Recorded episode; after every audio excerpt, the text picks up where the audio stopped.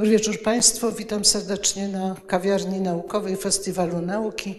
Gościmy w Pałacu Staszica Pan, który jest naszym współorganizatorem. TOK FM jest naszym e, sponsorem medialnym, e, partnerem medialnym, a witam ja, Zuzanna Teplic, w imieniu trzech organizatorek kawiarni. Pani profesor Magdaleny Fikus, której niestety nie ma w tej chwili z nami, Karoliny Głowackiej, która tu siedzi i dołączyła do nas, ponieważ potrzebujemy trzeciej osoby, żeby nas wsparła. E, dzisiaj zaczynamy, mam nadzieję, że zaczynamy normalny cykl, to znaczy spotkania tutaj w Pałacu Staszica. Mam nadzieję, że nam się uda przetrwać jakoś i spotykać w tym miejscu. Co więcej, chcę powiedzieć, z czego jestem bardzo zadowolona, czy obie jesteśmy zadowolone, że mamy prawie cały program już do końca roku ustalony. Na pewno w przyszłym miesiącu, czyli w grudniu, w trzeci, jak zwykle poniedziałek miesiąca, będziemy gościć tu panią profesor Ewę Czerniawską, która będzie opowiadać o mitach związanych z edukacją. W styczniu mamy wyjątkową kawiarnię, mianowicie pan profesor Tomasz Szukowski będzie mówić o, o, Tadeuszu Różewiczu, ale już powiedział, że to będzie bardzo specyficzne spotkanie, będziemy na to namawiać, ponieważ ono będzie warsztatowe. Jednym słowem przyniesie ze sobą wiersz, który rozdamy i o którym będziemy rozmawiać. To nowość, ja jestem miłośniczką warsztatu, więc uważam, że wszystko, co wymaga od nas aktywności jest lepszą metodą niż, niż po prostu słuchanie wykładów. E, w lutym jest pan profesor Andrzej Dragan, który mam nadzieję, że będzie mówił o fizyce kwantowej, o której wszyscy słyszymy, a niekoniecznie zaraz wszyscy rozumiemy o co chodzi. No marzec jeszcze mamy wątpliwości. W kwietniu tradycyjnie kwiecień jest zarezerwowany dla profesora Obirka. Będzie mówił profesor Owirek. W maju, no maj to jest konstytucja, pani doktor Anna Rozner będzie mówić, co naprawdę było w konstytucji 3 maja, bo się odwołujemy do niej, ale to nie znaczy, że wszyscy wiemy, co tam było. W czerwcu na pewno będzie o ptakach, a co o ptakach to się jeszcze e, dowiemy, bo mamy różne pomysły na tym, żeby o ptakach, które są w Polsce opowiedzieć. Bardzo proszę o założenie maseczki. E, ja zdjęłam, bo inaczej nie byłoby wiadomo, co mówię. E, bardzo proszę, rozumiem, że wszyscy się wpisali. Jeśli ktoś z Państwa nie dostaje informacji o, kawiarni naukowej mailowo, to bardzo proszę o adres, a chciałby dostawać, to bardzo proszę o adres, ale kawiarnia też jest zawsze na naszej stronie, stronie festiwalowej jest informacja, jaka, jaka i gdzie jest. No będziemy się jednak trzymać do tego, żeby był streaming, dlatego że mam wrażenie, że jednak czasy są takie, żeby nie każdy chętnie wychodzi z domu. Niektórzy wolą to oglądać w domu. Liczę, że publiczność będzie się zwiększała z każdym miesiącem, taką mam nadzieję. A teraz już będziemy rozmawiać, trochę tak jest, że kiedy mówimy o Noblach, a właściwie to nie jest Nobel, tylko nagroda imienia Nobla. Kiedy mówimy o Noblach, to się o ekonomii zapomina. Ja nie zapominam, bo to jest jedyna w historii sytuacja, w której psycholog dostał imienia Nobla, pan profesor Kahneman, więc trudno mi byłoby zapomnieć. Ale nie mówi i w związku z czym chcielibyśmy to nadrobić. Już w zeszłym roku rozmawialiśmy o nagrodzie imienia z ekonomii, a w tym roku wrócimy do tego tematu i dzięki pani profesor Tyrowicz, e, która zaraz przedstawi pozostałe dwie osoby, dowiemy się, za co właściwie tą nagrodę w tym roku przyznano.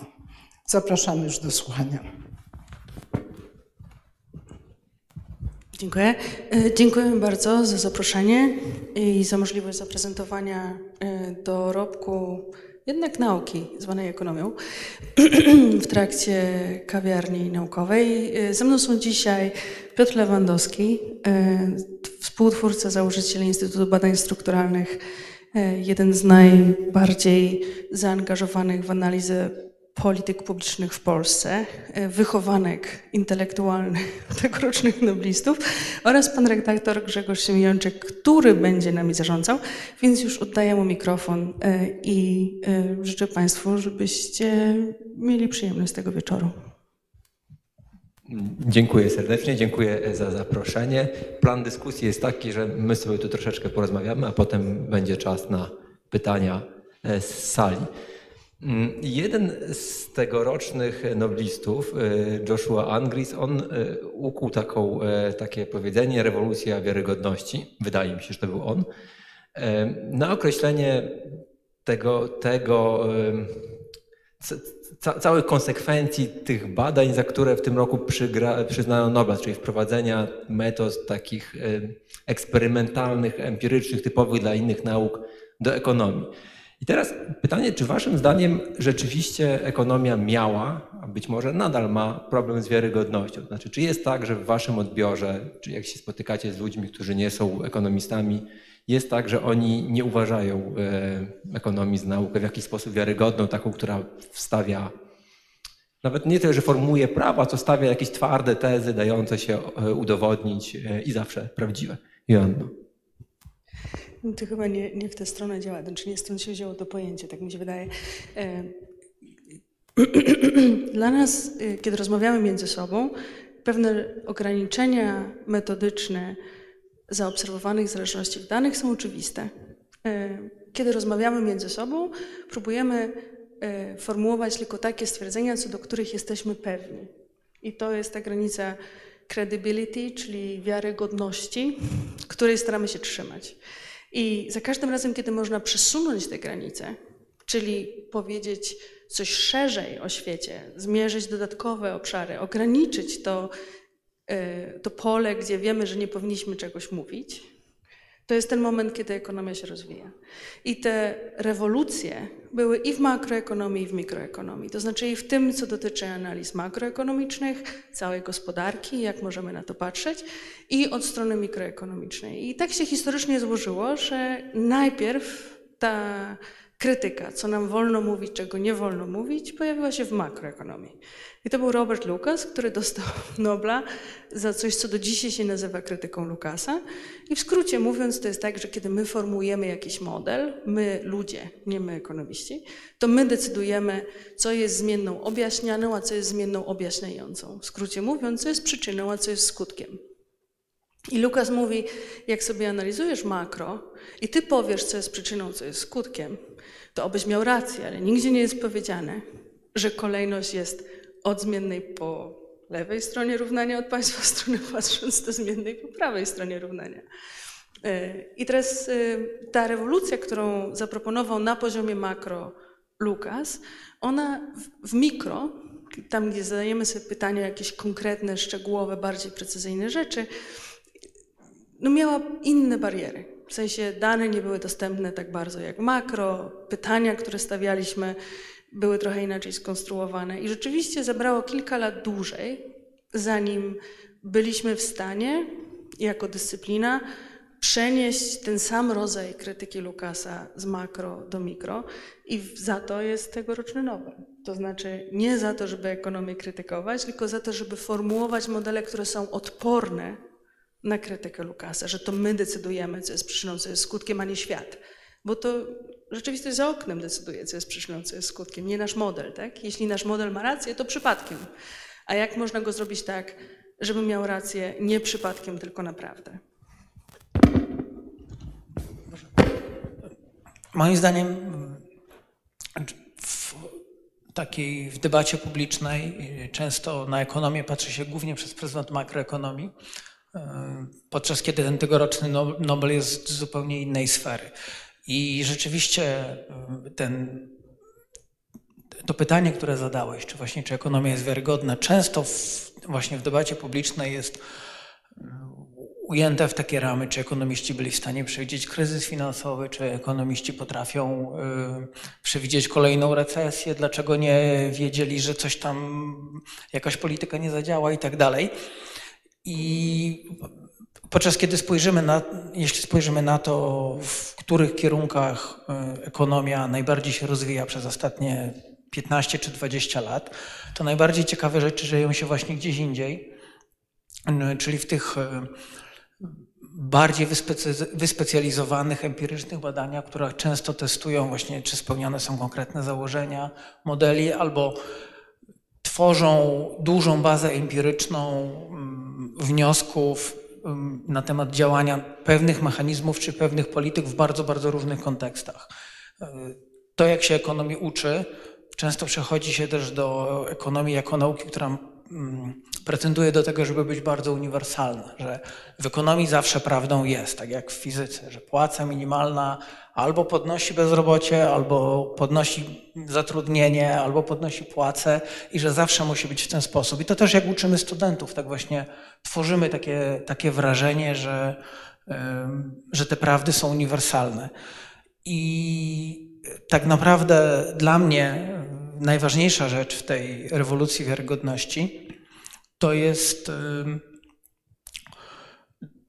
położenie dużo większego nacisku niż to było kiedyś na zbieranie, na, na, jakby na weryfikowanie czy falsyfikowanie to byłoby trochę za dużo, bo to zawsze wystarczy jeden przypadek znaleźć.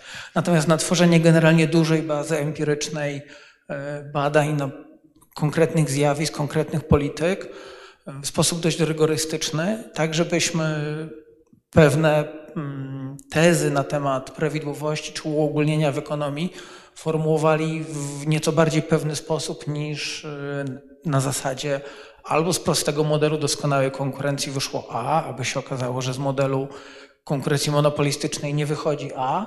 No więc y, jak to zasadniczo rozstrzygnąć? I, I, największa, moim zdaniem, zaleta y, tej rewolucji wiarygodności to jest uświadomienie szerokiej masie ekonomistów, że to rozstrzygnięcie ma jakiś charakter empiryczny i powinniśmy zawsze się zastanawiać, jeśli w jednej strukturze rynkowej jest A, a w drugiej strukturze rynkowej jest nie A, to która ta struktura rynkowa jest tą, którą mamy w konkretnej sytuacji, która jest dominująca i do której powinniśmy się odnosić. Tak. E, to, co Piotr powiedział, jest e, bardzo prawdziwe, bo też chodzi o to, żeby E, I, I, w tym sensie wkład tych panów, e, którzy dostali w tym roku Nobla, myśmy jeszcze ani razu nie powiedzieli, kto dostał w tym roku Nobla. Z, z wyjątkiem jednego, za, za chwilę powiem.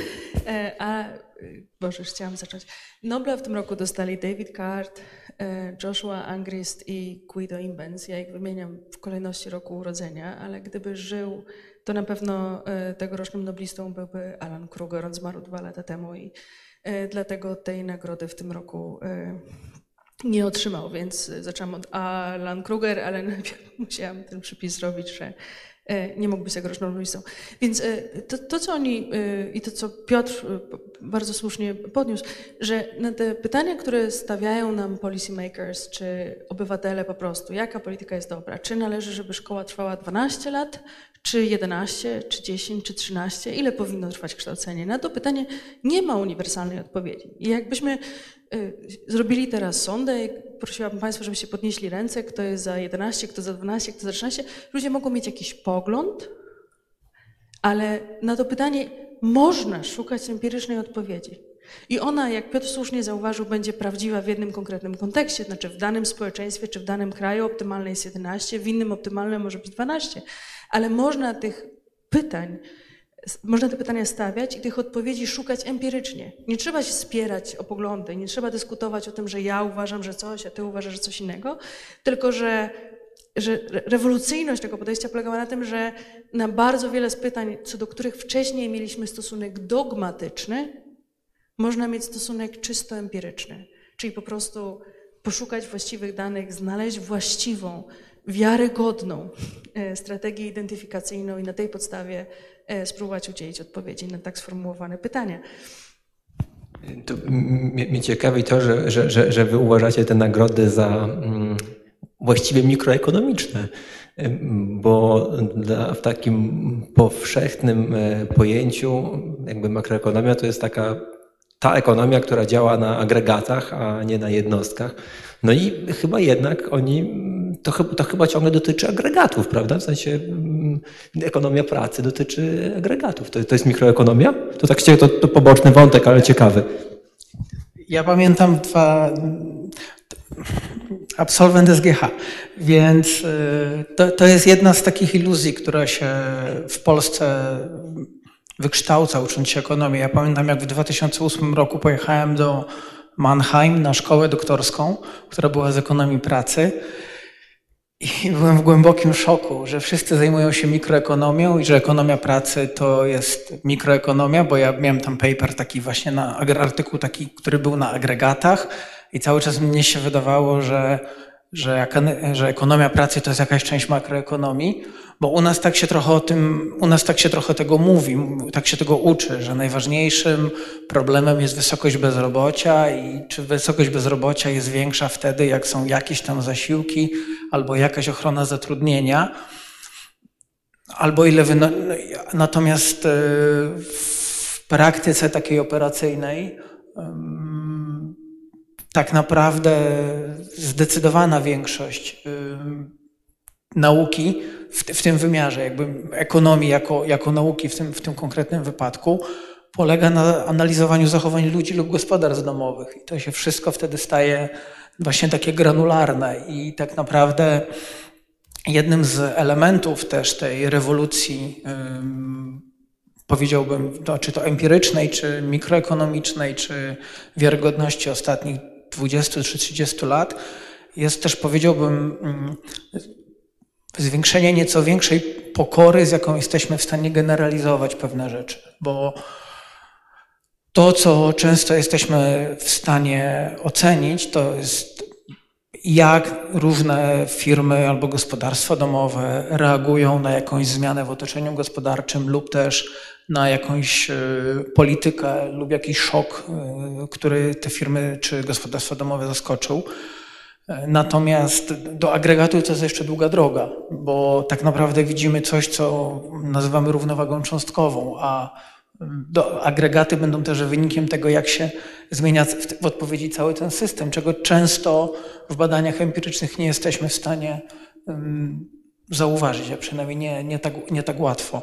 Więc na pewno też od strony narzędziowej do, tego też warto byłoby jeszcze wrócić ta Nagroda Nobla do jakiegoś stopnia jest trochę za ekonometrię, a nie ekonomię jako taką, bo część sukcesu polega na przekonaniu ekonomistów zajmujących się bardzo różnymi obszarami, żeby od strony narzędziowej i od strony analizy empirycznej ekonomiści, ekonomistki byli bardziej rygorystyczni niż to miało miejsce powiedzmy do końca XX wieku.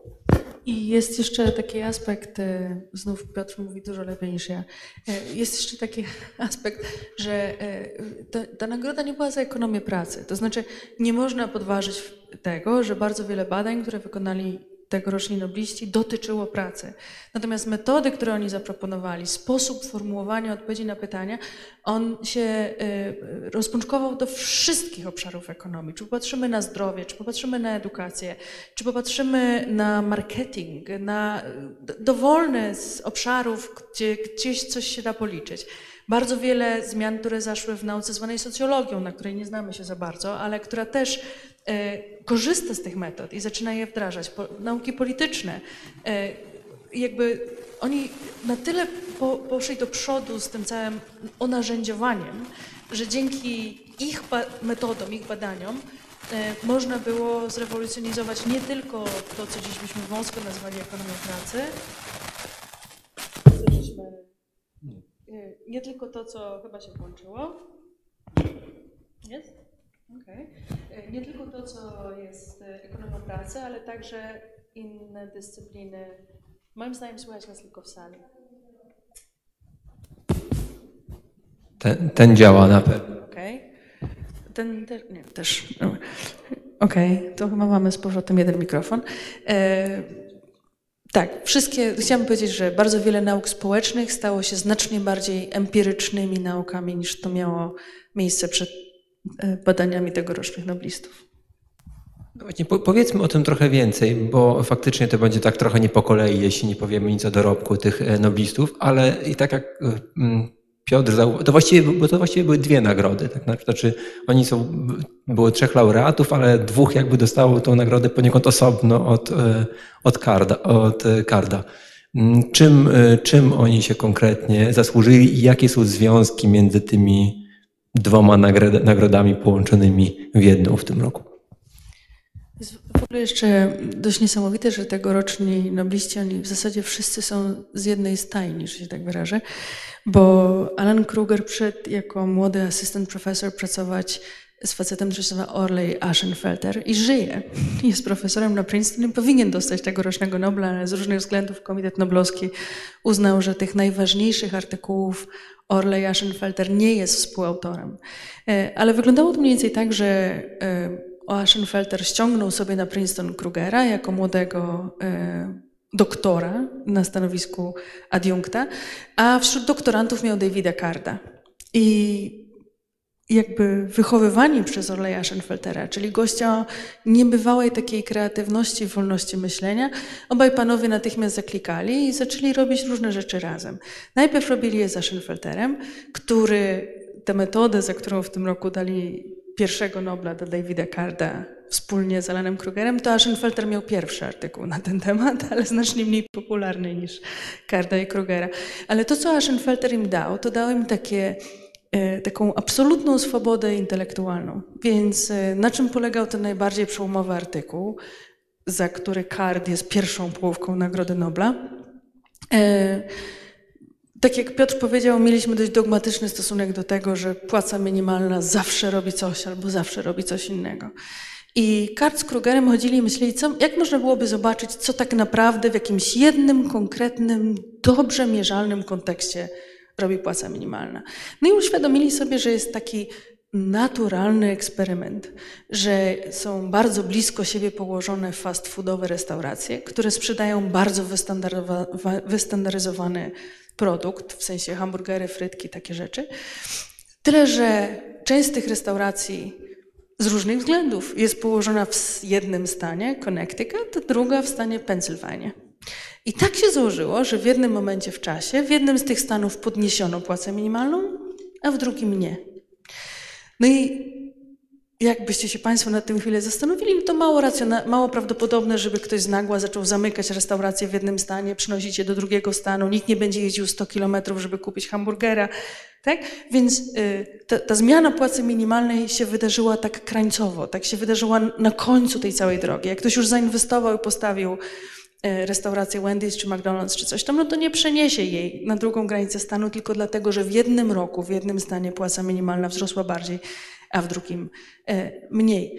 No i tylko zaobserwowali, że coś takiego się wydarzyło, super, tylko my nic nie wiemy o wynagrodzeniach i zatrudnieniu w tych poszczególnych restauracjach. To znaczy, nie ma takiego zbiorku, do którego sobie mogę pójść w internecie, mówimy o początku lat 90., więc nie ma szans w ogóle jeszcze na internet. Nie ma takiego jednego zbiorku, gdzie sobie mogę pójść i zobaczyć zatrudnienie i wynagrodzenia w, dwóch, w różnych restauracjach po dwóch granicach, sensie po dwóch stronach granicy stanu. I co zrobili Cardy Kruger? Dzięki wsparciu Aschenfeltera posadzili dziesiątki studentów w labie w Princeton i wydzwonili te restauracje. Zdali każdemu w każdej z tych restauracji zestaw wystandaryzowanych pytań, czyli zebrali własne dane. Te pytania dotyczyły zatrudnienia i wynagrodzeń wszystkich pracowników w każdym z tych fast foodów. Znaczy, najpierw wzięli i otworzyli książkę telefoniczną, bo to też nie jest tak, że to była jakaś baza, do której można było zadzwonić. Tak? I zebrali dane, sczytując z mapy, gdzie są te restauracje, tak? żeby one były blisko granicy, a nie gdzieś na drugiej stronie granicy stanu. I dlaczego o tym opowiadam tak strasznie długo? Dlatego, że to było rewolucyjne, że można przyjść i zebrać własne dane.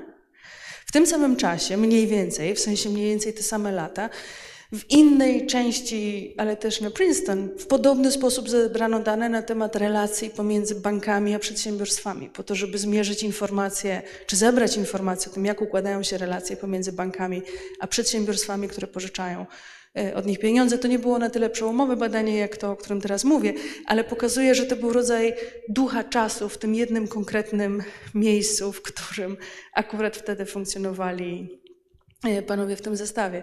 Zebrawszy te dane, zastosowali metodę, której jakby własności musieli najpierw przeanalizować i wyprowadzić, ona w ogóle z innych czasów pochodziła i do czego innego służyła. I napisali artykuł rewolucyjny w tym sensie, że jak podkreślał dwukrotnie Piotr, w bardzo konkretnym kontekście, wobec konkretnej grupy pracowników, przy konkretnym poziomie płac, sytuacji, cyklu koniunkturalnym, tak? Przeanalizowali, ok, jak się pociągnie ten jeden lewarek, tylko ten jeden lewarek, resztę nie ruszamy, to co się stanie z resztą? Z zatrudnieniem i z wynagrodzeniami. No i na dodatek dostali rewolucyjny wynik, to znaczy, że zatrudnienie nie spadło pomimo wzrostu e, płacy minimalnej. Ten rewolucyjny wynik przykuł uwagę i do metody, i do sposobu zbierania danych i pozwolił na jakby rozwijanie tych badań, badań w tym nurcie e, dalej.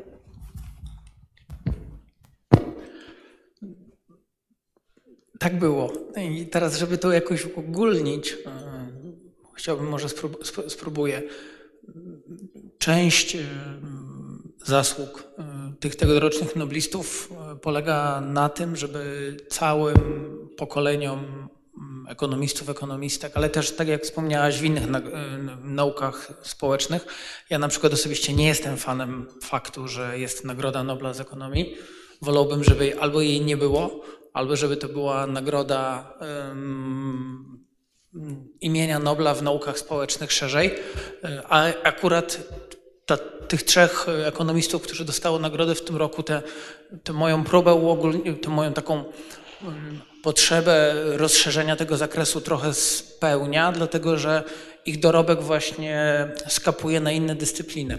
Natomiast wracając, dlaczego on skapuje na inne dyscypliny, które zajmują się czy to socjologią ilościową, czy właśnie naukami politycznymi, też zasadniczo ilościowo, gdzie pytania badawcze mogą być kompletnie inne niż ma to miejsce w ekonomii.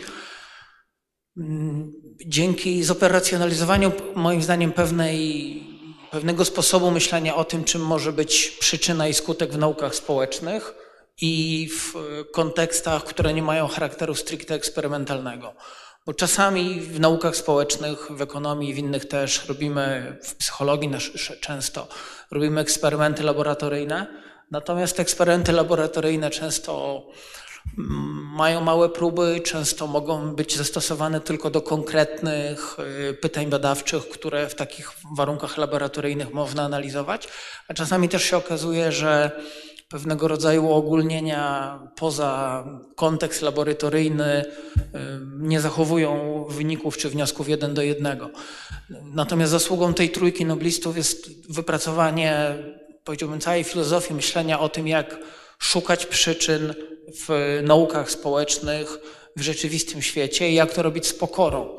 Czyli ta, ten sposób i ta pokora polega na tym, że powinniśmy naprawdę poświęcać bardzo dużo uwagi temu, żeby po pierwsze wiedzieć, czym ludzie różnią się od siebie, zanim um, nasz eksperyment społeczny zaczyna mieć miejsce. Na przykład zanim zostanie wprowadzona pewna polityka albo zanim wystąpi coś nieprzewidzialnego. Drugie to jest zasadniczo mm, powiązanie analizowania przyczyn w naukach społecznych właśnie z występowaniem czegoś, czego ludzie się nie spodziewają.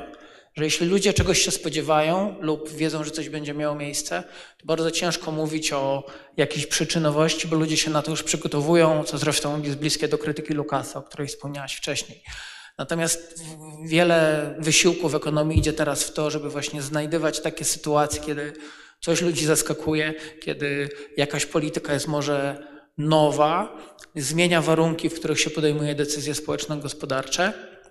Ale po trzecia rzecz, y, to jest ta pokora w wyciąganiu wniosków, czyli nie wyciąganie tych wniosków zbyt, zbyt pochopnie, na przykład tylko na podstawie porównania jakichś średnich w jednej grupie i w drugiej grupie, albo właśnie jakiegoś agregatu typu stopy bezrobocia przed i po, co w Polsce, zwłaszcza w debacie publicznej, dzieje się zbyt często.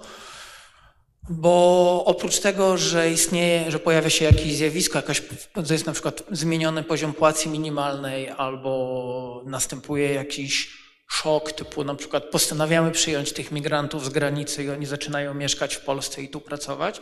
Oprócz tego zmienia się bardzo dużo rzeczy i, i, i, i ta trójka, ta trójka mm, noblistów plus wiele osób, można powiedzieć, z tego, z tego kręgu naprawdę po, po, włożyła dużo energii w wypracowanie metod, które pozwalają nam dokładnie i rygorystycznie odseparowywać efekty tych różnych rzeczy, które są wspólne, bo są inne zmiany, bo jest cykl koniunkturalny, bo mm, zmieniają się warunki gospodarowania ogólnie, od tego drobnego, precyzyjnego wpływu tej właśnie jednej dźwigni, która jest w centrum, e, w centrum naszej uwagi. I dlatego te metody rezonują w innych dyscyplinach, bo właśnie czy w, czy w socjologii, czy w naukach politycznych też widać, że te podejścia, te podejścia mm, są coraz częściej używane mm, z dobrym skutkiem.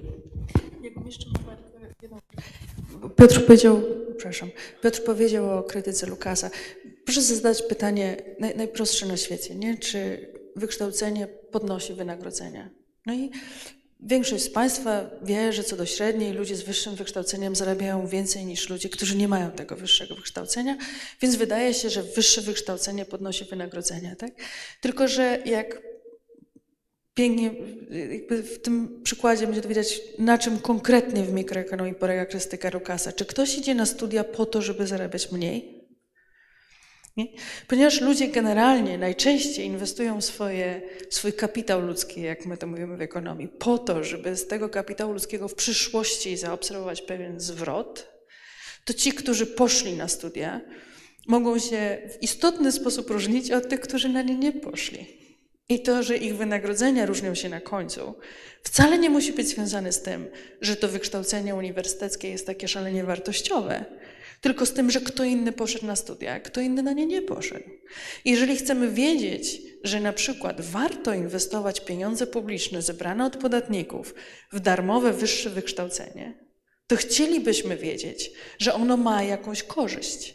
Więc chcielibyśmy zidentyfikować, jak duży jest przyczynowo-skutkowy związek pomiędzy tym, że ktoś celowo tak, poszedł na studia i zdobył to wykształcenie, e, a, a, a tym, że nie. Jak samo Państwo widzicie z tego całego przykładu, po pierwsze widać krytykę Lukasa, czyli nie można zgadywać, jaki jest skutek, jeśli wiemy, że na początku ludzie brali to od razu pod uwagę. A po drugie, nie jest łatwo odpowiadać na takie pytania z prostych danych. Tak? Znaczy, co do średniej, ludzie z wyższym wykształceniem zarabiają w Polsce 20% więcej niż pozostali. Ide idealny, w ogóle stopa zwrotu, jakiej nikt nigdzie nie ma. Wydajemy 100% pieniędzy z budżetu na, na y, uczelnie publiczne, tak?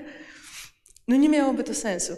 I to są ten rodzaj pytań i ten rodzaj takiej rzeczywiście pokory w udzielaniu odpowiedzi na te pytania, który pozwala nam decydować, że na wykształcenie należy wydawać x procent budżetu, a nie 2x albo pół x, jeśli chcemy być optymalni. I też to, co tegoroczni nobliści zmienili fundamentalnie, to nie tylko to, że my, ekonomiści, się możemy tym pobawić. Znaczy, to jest super, naprawdę to lubimy, ale... Yy, to powinno przenikać do polityk publicznych. Znaczy, my zadajemy w tej działce ekonomii pytania, które mają fundamentalne znaczenie z perspektywy prowadzenia polityki e, gospodarczej.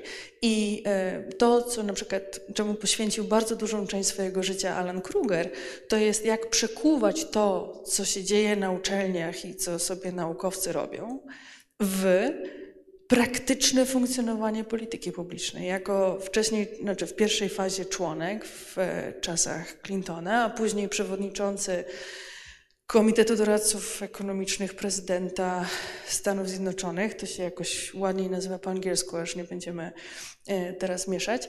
E, Kruger wykonał ogromną pracę, żeby to, co jest jakby najbardziej bieżącym stanem wiedzy i nauki w politykach dotyczącej polityk publicznych znajdowało bezpośrednie przełożenie e, do zmiany w tych politykach.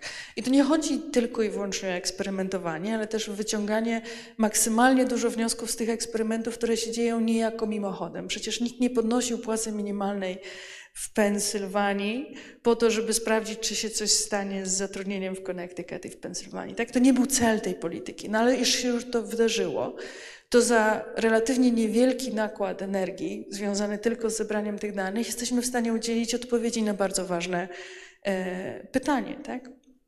I samo poszukiwanie tych tego, co się czasem nazywa naturalnymi eksperymentami, czyli tych sytuacji, gdzie mimochodem jesteśmy w stanie znaleźć jakąś identyfikację przyczynowo-skutkową, e, to jest to coś, co e, no, no, przeniknęło całkowicie przez nasze myślenie ekonomistów, ale dzięki czemu też można rozsądniej prowadzić polityki publiczne. Nie we wszystkich krajach, ustalmy to, ale można e, i warto próbować. Podkreśliliście wiele razy oboje, że ekonomia się stała taka bardziej pokorna. Ale pytanie, czy ona się też przez to nie stała mniej ambitna? To znaczy, czy nie jest tak, że znaczy, tak jak, jak, jak, jak opowiadałaś o, o, tym, o tej genezie badania Krugera e, i Karda, no to on miał e, konkretne pytanie, które sobie zadawał i znalazł metodę, żeby na nie odpowiedzieć. Mm, ale czy nie jest czasem teraz dzisiaj tak, że ponieważ my wiemy, że właśnie tego rodzaju ekonomia jest wiarygodna i tego rodzaju ekonomia jest poprawna metodologicznie, to my odpowiadamy, e, znaczy wy odpowiadacie, zwolnię się z odpowiedzialności. E, ekonomiści odpowiadają na pytania, na które się da odpowiedzieć w świetle istniejących danych, a nie te, które są naprawdę istotne z perspektywy polityki publicznej i dla nas ciekawe. To znaczy, czy nie jest tak, że teraz się szuka, e, szuka się możliwości zaaplikowania tej metody i tam się udziela odpowiedzi, zamiast E, udzielać odpowiedzi na ważne pytania. Ja się śmieję. Nie no. Oczywiście pojawia się taki pogląd i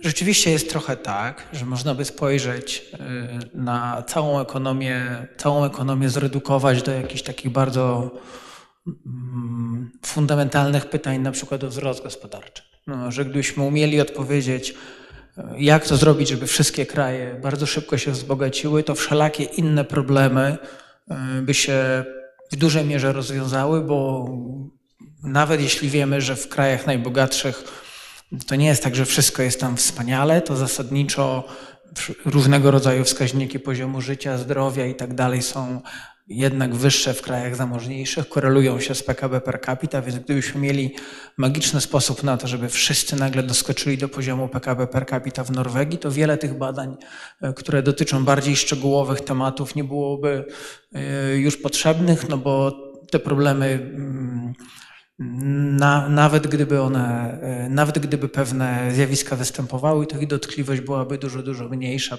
ze względu na wyższe dochody. No i rzeczywiście jest trochę tak, że na te takie powiedzmy najbardziej fundamentalne pytania e, typu dlaczego jednym krajom się udaje, a innym nie, jest odpowiedzieć empirycznie rzecz biorąc trudniej, bo bardzo trudno jest używając nawet tych samych konwencji e, empirycznych, o których mówimy, znaleźć te odpowiednie grupy kontrolne.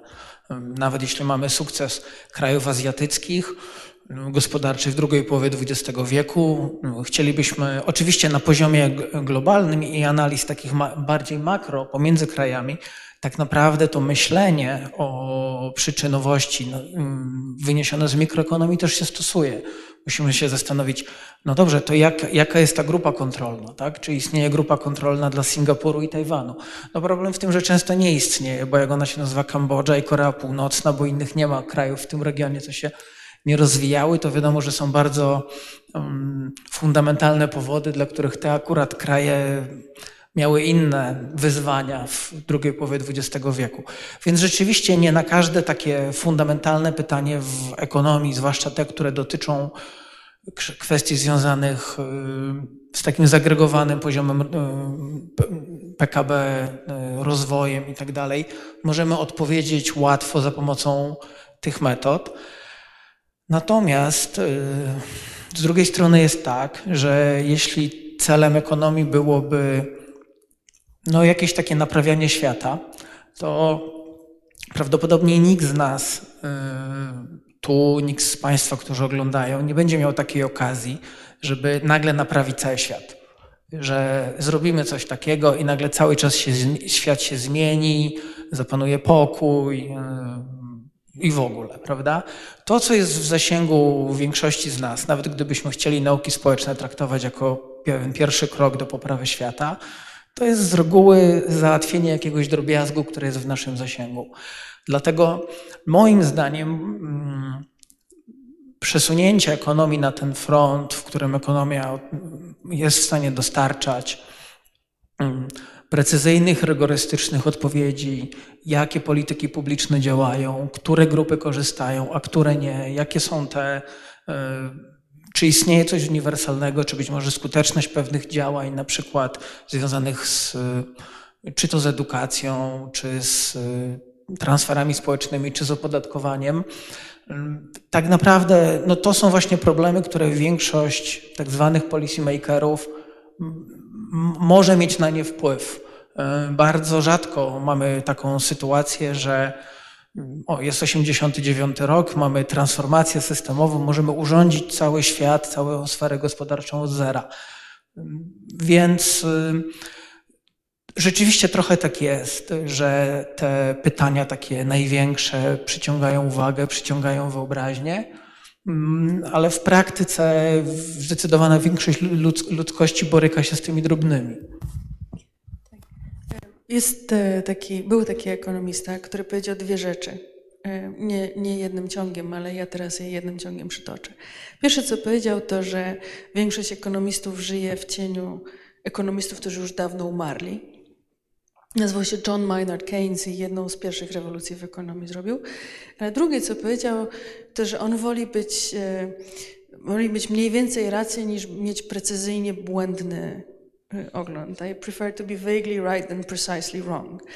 I e, ja myślę, że to, za co przyszedł w tym roku Nobel, to jest w pewnym sensie kompletne odwrócenie proporcji w ekonomii. To znaczy, my szukamy sytuacji, w których możemy być precisely right, z poczuciem, że to może nie być dokładnie ta odpowiedź, którą wszyscy chcieliby usłyszeć, że być może nie tego policy makers chcą, ale to nie jest nasz biznes. Nasz biznes to nie jest mniej więcej. Znaczy, wyobraźcie sobie Państwo, że idziecie do inżyniera i on mniej więcej zbudował ten most. No, no to nie jest nauka, tak? Znaczy, naukowość e, tego, za co oni dostali w tym roku Nobla, to jest właśnie e, taka samokontrola, że udzielam tylko na te pytania odpowiedzi, na które mogę udzielić precyzyjnie, na pewno poprawnej odpowiedzi. Przy czym na pewno w nauce zawsze jest to obarczone tym, że jeszcze nikt nie udowodnił, że to błąd. Ale e, tak, zamiast mieć tę pychę, bo ja uważam, że jestem w tym momencie vaguely right, to sobie nałożyć kaganiec i powiedzieć, robię tylko w tych obszarach badania, w których mogę zweryfikować precyzyjnie, czy coś jest prawdą, e, czy nią nie jest. Jeszcze coś dopowiem, jeśli można. Natomiast oczywiście do pewnego stopnia e, ja się zgadzam z tym argumentem, zarzutem, który, który przedstawiłeś.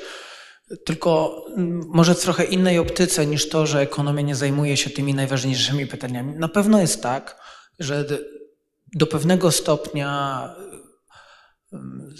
preferencje na badania empiryczne powodują, że infrastruktura, która, infrastruktura w zakresie bazy da, baz danych, dostępności danych itd. Tak wpływa na to, co ludzie robią, choćby przez proces kształcenia kolejnych pokoleń, gdzie doktoranci, doktorantki będą się zajmowali, z reguły dokładają jakąś cegiełkę do tego, czym się zajmują ich e, promotorzy, promotorki, korzystają z danych, które istnieją. I rzeczywiście często tak jest, że pewne tematy, które po latach widać, że są ważne, są w tej ilościowej nauce społecznej, czy konkretnie ekonomii przez zasadniczo trochę zaniedbane. Na przykład w Stanach Zjednoczonych takim, takim tematem jest analiza nierówności rasowych, które e, są dużo jakby szerzej potraktowane w socjologii czy w naukach politycznych niż w ekonomii, no bo jakoś tak wychodzi, że,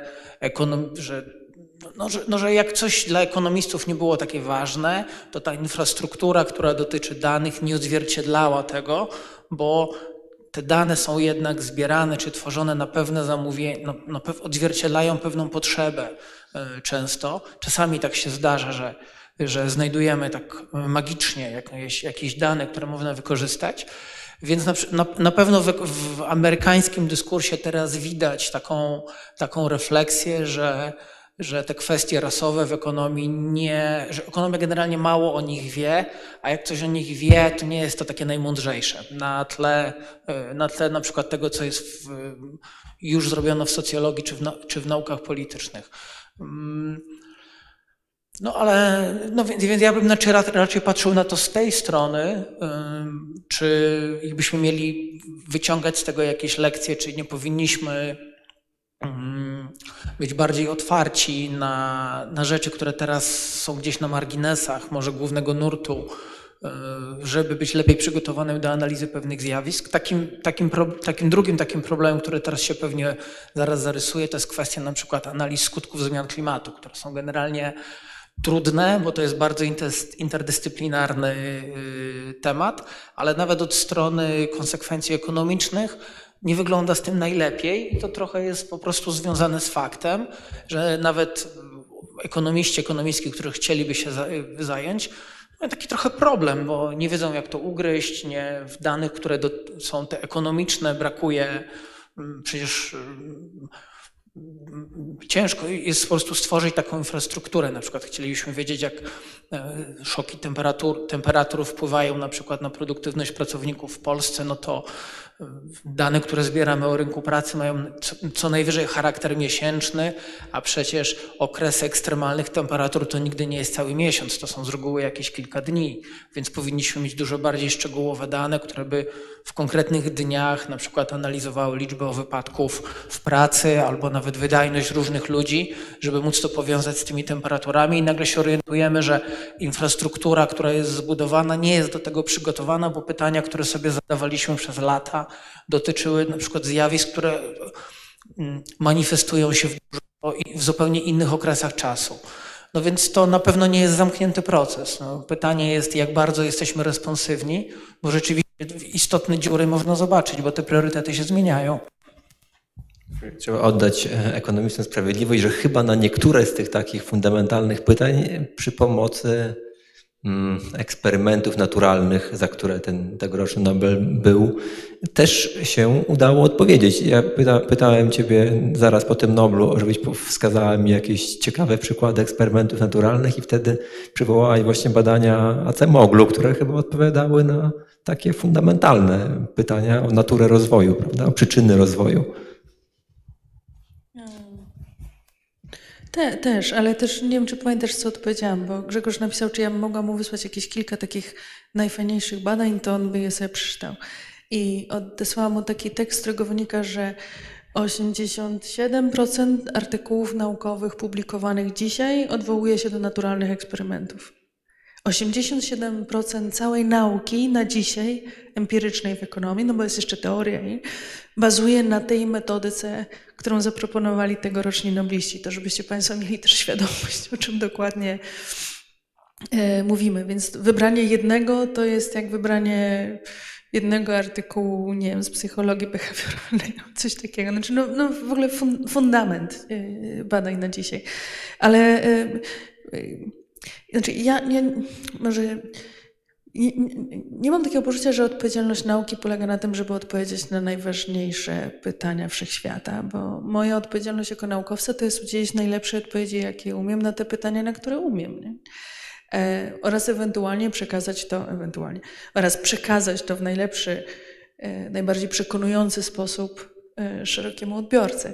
Natomiast e, czy to pytanie, które ja uważam za ciekawe i do którego mam oprzyrządowanie i zdolności, to jest to pytanie, które zmieni naturę świata, to jest trochę proces losowy. Nie spoczywa ta odpowiedzialność na moich barkach i nie uważam, że należy do nauki tego typu oczekiwania formułować. To jakbyśmy, nie wiem, od fizyki oczekiwali, że rozwiąże, że wszyscy fizycy nic nie robią, bo cały czas mamy straty w przekazywaniu energii. Znaczy, no to znaczy, ja tego w ten sposób nie widzę. Natomiast to, co wydaje mi się fundamentalne i może jakoś też tłumaczy to, czego zacząłeś rozmowę z nami, to jest trochę tak, że nie co miesiąc wychodzi informacja o zatrudnieniu i wynagrodzeniu w sektorze przedsiębiorstw w Polsce. Co kwartał wychodzi zatrudnienie i wynagrodzenia w gospodarce narodowej w Polsce. Co kwartał wychodzi szybki szacunek PKB, co miesiąc wychodzi informacja sygnalna i potwierdzenie informacji sygnalnej o inflacji. I jak te dane wychodzą, takie zagregowane z Głównego Urzędu Statystycznego, to jest forma newsa, do którego to newsa przygotowują się i dziennikarze, i komentatorzy, i wszyscy pozostali, tak skupiają uwagę na tym. Jak ja albo Piotr skończymy jakieś badanie, no to e, delikatnie mówiąc, nie ma fanfar w Głównym Urzędzie Statystycznym, media nie tłoczą się przed biurami Uniwersytetu Warszawskiego, ani GRAPE, ani IBS nie dopytują, co też nam się udało e, wygrzebać e, e, z danych, nawet jeśli te wyniki z perspektywy polityki publicznej w Polsce w danym momencie mają dużo większe znaczenie niż odczyt tego czy innego wskaźnika.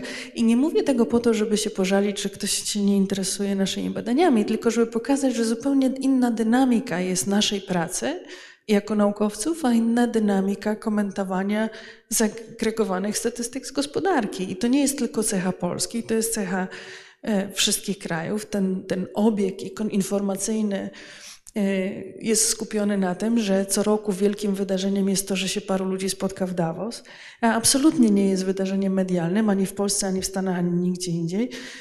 To, że my mamy jedną doroczną, największą konferencję naukową na początku stycznia i tam się spotykają tysiące ludzi i prezentuje się setki e, badań, bo to jest coś, czym my żyjemy, tak? ale czym nie żyje e, szeroki odbiorca, nawet jeśli te badania mają ogromny potencjał często do bycia przełomowymi w swoich obszarach.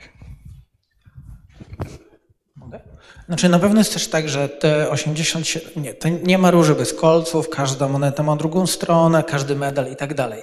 I te 87, na pewno jest tak, że te 87% artykułów, które się publikuje i mają w empirycznych, mają charakter tych naturalnych eksperymentów, mm, Często jest tak, mm, często mm, zdarzają się takie momenty, w których ja sam mam wrażenie, że ten, jakby ten, że ten empirycyzm y, w ekonomii poszedł trochę za daleko, że ludzie często mm, dostają jakieś dane, widzą, że zmieniła się jakaś polityka, y, piszą, puszczają te regresje, aplikują te metody, bo nauczono ich, że są trzy metody, które generalnie mogą zastosować, czy puścić jedną, drugą, trzecią, zobaczyć, która wychodzi najsensowniej.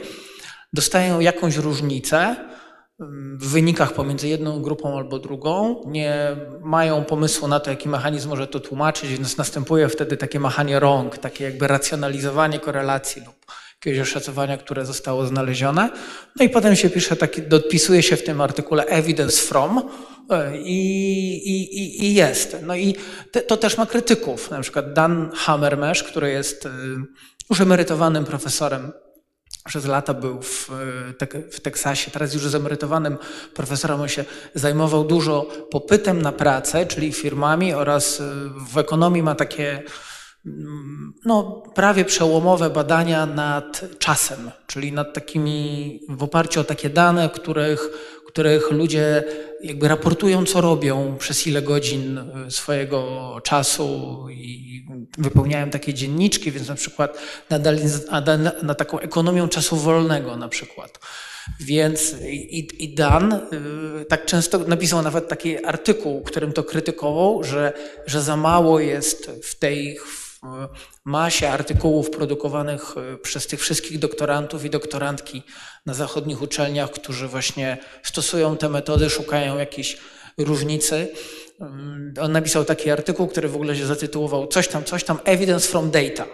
E, I, i, i, i rzeczywiście może, zdarzają się takie momenty, w którym to się wszystko e, tak przesuwa za daleko, że brakuje nam pewnej struktury teoretycznej, pewnej, pewnej architektury pojęciowej, żeby te wszystkie rzeczy wyjaśnić, zinterpretować i tak dalej. Ale to na pewno nie jest problem w Polsce. To znaczy, jeśli ja miałbym e, mówić, jeśli miał, to jest taki problem takiego bardzo pierwszego świata naukowego, amerykańsko-brytyjsko-niemiecki. Natomiast e, w Polsce nam jest do tego bardzo, bardzo daleko. I ja bym chciał, żebyśmy, żebyśmy się przybliżyli bliżej tego, tego pierwszego świata i może mieli kiedyś takie problemy pierwszego świata, które są związane z tym, że w tych badaniach empirycznych za dużo rzeczy jest robionych konwenansem, rygorystycznym konwenansem, y, który obecnie obowiązuje. Y, Podczas kiedy niestety w Polsce ciągle jest tak, że za mało rzeczy, za mało badań jest, wykorzystuje y, te metody, które na Zachodzie są abecadłem, a u nas ciągle są taką, mm, nie, no nie, nie, nie są rzeczą powszechną. Do tego jeszcze wrócimy za chwilę, jeśli mogę. Pamiętacie, że mamy dzisiaj naukę popularyzować, a nie zachęcać? Do, do, Ja jakby ale też nie upudrowywać nadmiernie. Y, ja wierzę, że generalnie szczery przekaz zachęca, a nie taki upudrowany, bo upudrowany prędzej czy później następuje takie rozczarowanie, że to nie wyglądasz tak pięknie. Do tego stanu Polskiej Akademii jeszcze wrócimy, bo o to też chciałbym zapytać, ale e, znaczy, mam jeszcze pytanie taką o, trochę o, o, rolę, o rolę ekonomisty. E, no bo ty, ty mówiłeś, że Alan Kruger, e, on starał się przełożyć te wnioski ze swoich badań na, na, na sferę polityki gospodarczej, szeroko rozum, polityki publicznej, szeroko rozumianej. I pytanie, na ile to jest możliwe, e, w, w, mm, na ile da się zuniwersalizować badania, które siłą rzeczy mają bardzo, e, których wnioski mają bardzo precyzyjnie zakreślone e, granice obowiązywania. To znaczy, czy z tego, czy, czy, czy no, nie wiem, no załóżmy, że, że, że, polski rząd właśnie chce pod, podnosić płacę minimalną i chciałby wiedzieć, jakie to będzie miało konsekwencje.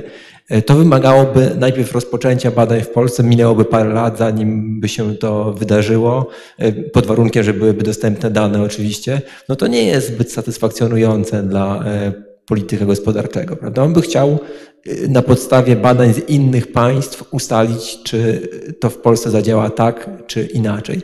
I czy teraz na, na, na podstawie takich badań wycinkowych, trochę bardzo szczegółowych, dotyczących konkretnych okoliczności. Czy da się rzeczy formułować jakieś zalecenia dla polityki gospodarczej? Ta, tak, bardzo. Znaczy, po pierwsze chciałam powiedzieć, że to, co powiedziałeś, to jest trochę jak y, dialog, to był Stalin, który rozmawiał ze swoimi filmowcami, ile filmów robicie 70, ile dobrych dwa, to czemu nie robicie tylko tych dwóch? Znaczy, jakbyś wiedział, że się wywrócisz, to byś się położył. Jakbyśmy wiedzieli, jaka polityka jest gospodarcza ex ante potrzebna, w sensie, co tym ludziom trafi do głowy i co będą chcieli wprowadzać, to byśmy zaczęli te badania dwa lata temu, tak? I by już na dziś były gotowe. Znaczy, to nie jest... W normalnych krajach, gdzie wszystko idzie takim naturalnym rytmem, to to wszystko idzie w harmonii, tak? Znaczy w sensie badania nadążają za polityką, a polityka nadąża za badaniami. Polskim problemem, poza tym, o którym powiedział Piotr, czyli że badań robimy za mało, jest także to, że częściowo ze względu na to, jaki to jest kraj, czyli że na przykład nie jest federalny, więc nie można takich różnic jak między Stanami w Stanach oglądać. Ale część, przede wszystkim z tego powodu, że wprowadzamy polityki ad hoc i zazwyczaj one mają zastosowanie do wszystkich naraz, to nie można zrobić porządnych badań naturalnego eksperymentu, bo nie ma ludzi po tej drugiej stronie granicy stanu. Znaczy, jak wszyscy są objęci 500, to jak sprawdzić efekty 500? Do kogo porównać? Tak? Więc jeżeli myślimy o politykach tylko w taki sposób, no to potem trudno oczekiwać, że naukowcy będą robili badania na czymś, czego się nie da zbadać. Można oczywiście rozwijać naukę i to się cały czas toczy, nie? ale też jakby trzeba mieć świadomość, że no, nie postawimy wozu przed koniem, e, mówiąc brutalnie. Ale konstruktywnie odpowiadając na Twoje pytanie, to e, znów paradoksalnie być może im bardziej precyzyjnie obejrzysz te efekty, to jak potem masz całe spektrum takich badań, to jedne ci dadzą wynik na plus 3, drugie ci dadzą plus 1,5, trzecie ci dadzą minus tam, nie wiem, 5, a czwarte 0. Nie? I one się będą różniły tymi drobnymi rzeczami. I dzięki temu, że tych badań jest całe spektrum, to możesz sobie zrobić taką mapę i powiedzieć, a, ale ja, mój kraj, moja gospodarka czy cokolwiek, to jestem w tym kawałku tej mapy. Więc to w ten wynik powinienem wierzyć bardziej, jako bardziej stosowny dla mnie, niż y, wyniki 300 kilometrów, kilometrów w prawo. I teraz ta, to, że jakby im bardziej precyzyjnie jesteśmy w stanie te efekty pomierzyć, im więcej tych badań będzie, paradoksalnie, tym bardziej granularna będzie ta mapa, na której inni się będą mogli poszukiwać. Tak? Oczywiście, jak już się mamy tylko odnaleźć na mapie, to ktoś może powiedzieć, dobrze, ale to dla mnie jest ważniejsze, że Polska jest homogeniczna etnicznie, niż to, że mamy takie albo inne stosunki pracy. W związku z tym ja osobiście uważam, że na tej mapie jesteśmy gdzie indziej. I niestety porzucamy dyskusję opartą o dane, znów na rzecz dyskusji opartą o dogmaty, e, dyskusji opartej o dogmaty. Ale co do zasady, to, że się tych badań, że, że one są takie właśnie no, jakby bardzo precyzyjnie zakreślone, tak? to, to paradoksalnie ułatwia ich stosowanie w innych kontekstach, a nie utrudnia. Po prostu trzeba tylko czytać od pierwszej do ostatniej kropki, a nie tylko jedną cyferkę z abstraktu. Trzeba sprawdzić, czy warunki są spełnione e, u, nas tego, co, co, co, zostało zrobione gdzie indziej i na tej podstawie wnioskować. E, Piotrze, chciałbyś coś dodać na ten temat? Czemu nie? Znaczy, no, to, to, to gromadzenie, to budowanie wiedzy poprzez e, akumulowanie wniosków z różnych, z różnych badań jest bardzo, bardzo ważne. I są takie, są, są takie tematy w ekonomii, gdzie tych badań jest mnóstwo, więc tam już można z mniej lub bardziej mm, precyzyjnym, mm, z mniej lub bardziej precyzyjnym mniej lub bardziej precyzyjnym stopniu mm, coś sugerować. Natomiast y, są też korzyści z faktu, żeby mieć swoją infrastrukturę. Na przykład spójrzmy na E, w Wielkiej Brytanii płacę minimalną wprowadzono, jeśli dobrze pamiętam, w 98 albo 99 roku. Nie pamiętam aż tak dokładnie, ale to było wtedy. Do 98 czy 9 roku w Wielkiej Brytanii w ogóle nie było płacy minimalnej. Nie było, tak, nie było czegoś takiego. Wprowadzono od zera. Po raz pierwszy ustalono jakiś poziom. I w momencie, kiedy to zrobiono, powstało coś takiego, co się nazywa Low Pay Commission, no i to jest, taka, to jest taki organ, który absolutnie nie jest Polską Komisją Trójstronną, bo Low Pay Commission to jest ciało eksperckie. Tam są ludzie mm, z, no, głównie z akademii, którzy mają tam kilkuletnie okresy i ta instytucja ma jakiś budżet właśnie na to, żeby prowadzić badania. Albo robią to sami, albo po prostu zlecają na zewnątrz. Podobnie zresztą robią Niemcy, którzy wprowadzili płacę minimalną w 2015 roku. Wcześniej nie było. I i zaleta takiego podejścia jest to, że nawet jeśli powiedzmy dużo wiadomo, to dla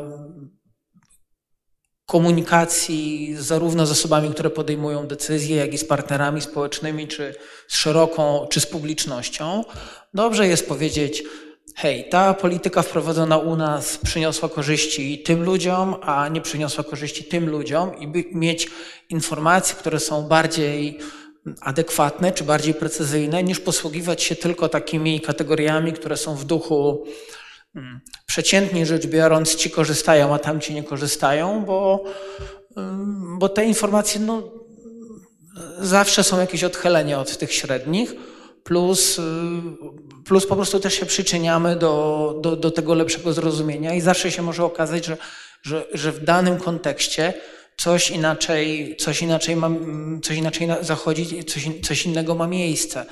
Więc y, w Polsce na przykład, gdzie ta infrastruktura jest bardzo, bardzo zła, to też nie byłoby tak, że wymagałoby to kilku lat, żeby stworzyć y, infrastrukturę do tego, żeby polityki publiczne w Polsce ewoluować y, standardami zbliżonymi do krajów zachodnich, w niektórych obszarach moim zdaniem wystarczyłby rok i, i za rok już tak naprawdę można by tę strukturę mieć.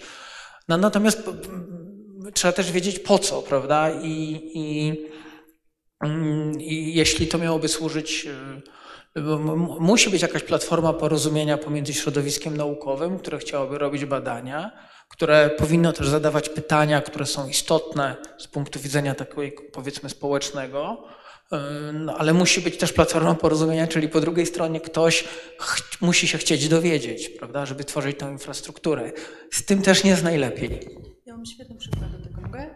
To nie ma nic wspólnego z tegorocznym Noblem, ale y, jakiś czas temu powstał projekt w Narodowym Banku Polskim. To było dawno temu, w sensie nie w tym NBP, który jest dzisiaj, e, żeby przeprowadzić bardzo szeroko rozumianą ewaluację kosztów i korzyści przystąpienia Polski do strefy euro. I wtedy to był praktycznie otwarty konkurs, to znaczy bardzo wiele osób w Polsce zajmujących się różnymi e, działkami e, w ekonomii zaproponowało projekty badawcze. One zostały przyjęte albo odrzucone. Potem wykonali badania bez żadnego, bez żadnej ingerencji co, co ma z tych e, badań wyjść. I powołany do tego specjalny zespół w NBP przygotował syntezę z tych badań, jednocześnie publikując każdy z tych wyników, każdy z tych raportów, e, które stanowiły e, podstawę całościowego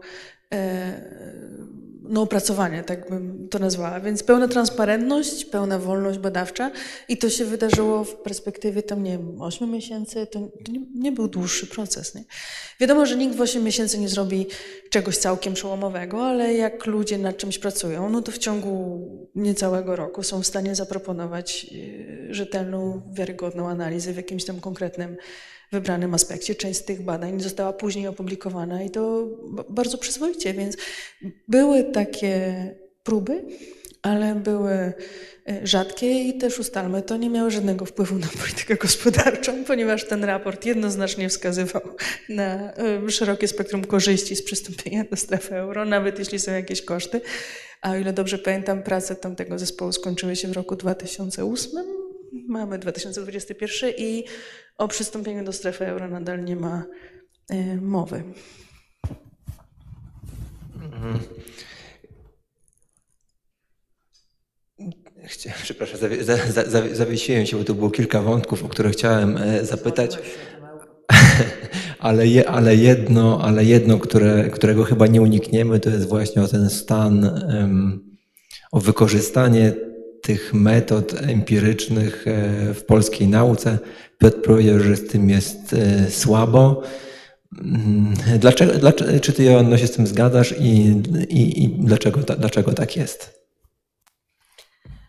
Wiesz co, ponieważ Piotr pełni dzisiaj funkcję nadwornego pesymisty, to ja powiem, że staramy się, nie, jak możemy w tych zespołach, które tworzymy, żeby y, też nie wiem jak Piotra, ale mnie tego wszystkiego w szkole nie uczyli. Znaczy ja tego, za co dziś przyznali tego Nobla, to nauczyłam się jak wyjechałam mm, z Polski. Natomiast kiedy ja zaczęłam uczyć, to pierwszy tekst, którego uczyłam podstaw ekonometrii, to Cardi Kruger o płacy minimalnej. Więc e, no, ta zmiana zachodzi. To być może będzie po prostu trwało dłużej niż byśmy chcieli, ale, e, ale zachodzi. Wydaje mi się, że mamy trzy po pierwsze, nie mam popytu na te badania. To znaczy, jak sobie pomyślisz z perspektywy doktoranta, to nawet jakby mu się udało udzielić jakiejś przełomowej odpowiedzi, to co z tego? No, ktoś mu da za to medal. Znaczy, czy on zrobi dobry doktorat, czy badziewny, to będzie miał takie samo DR przed nazwiskiem, więc y, to jest punkt pierwszy. Znaczy, nie mamy zapotrzebowania na informowanie polityki gospodarczej. To na dowolnym poziomie, znaczy w sensie te pytania ta metodyka, te metodyki, które zaproponowali tegoroczni nobliści, to one mają duże zastosowanie na poziomie regionalnym, na, na, dowolnym. Znaczy w sensie, jeżeli Wojewódzka Rada Dialogu Społecznego, bo zdaje się, że one się w tej chwili tak nazywają, być może znowu zmieniły nazwę, chciałaby wiedzieć, y, jak rozmieścić szkoły zawodowe na terenie danego województwa, albo które szkoły zawodowe powinny zostać, albo y, czy i w jakim zakresie zwiększać doradztwo zawodowe w szkołach. To wszystko są rzeczy czy pytania znowu z województwa, tak, na które można próbować odpowiadać, korzystając y, z tej metodyki i przy dostępnych danych. Ja nie mówię, że ja mam teraz z głowy gotowe pomysły, które dane, ale można próbować, tak? I tego popytu nie ma na żadnym poziomie, nie tylko na centralnym, ale też jak zejdziemy na poziomie regionalny. Drugie to jest oczywiście, my się mało w Polsce ścigamy ze światem, to znaczy to, o czym mówimy z Piotrem, Piotr mówi o tym, że to się miejscami degeneruje i ma rację, ale jeżeli chcesz dzisiaj opublikować dobry artykuł w dobrym, czy artykuł w dobrym czasopiśmie, to on musi być taki. To, to nie ma, że przyjdziesz i powiesz, no, ale ja mam ważny temat, tylko nie umiem go zrobić tak jak trzeba. No jak nie umiesz, to spróbuj jak wrócisz, będziesz umiał, to wróć, tak? Znaczy nie ma innej rozmowy. Tylko, że my w Polsce strasznie mało publikujemy za granicą, a jak już publikujemy, to niekoniecznie w tych najlepszych czasopismach. W związku z tym e, nikt nie musi doskoczyć e, do tego poziomu wymagań, tak? E, bo, bo, bo, nie ma takiego oczekiwania. No, a, a, a trzecie to jest.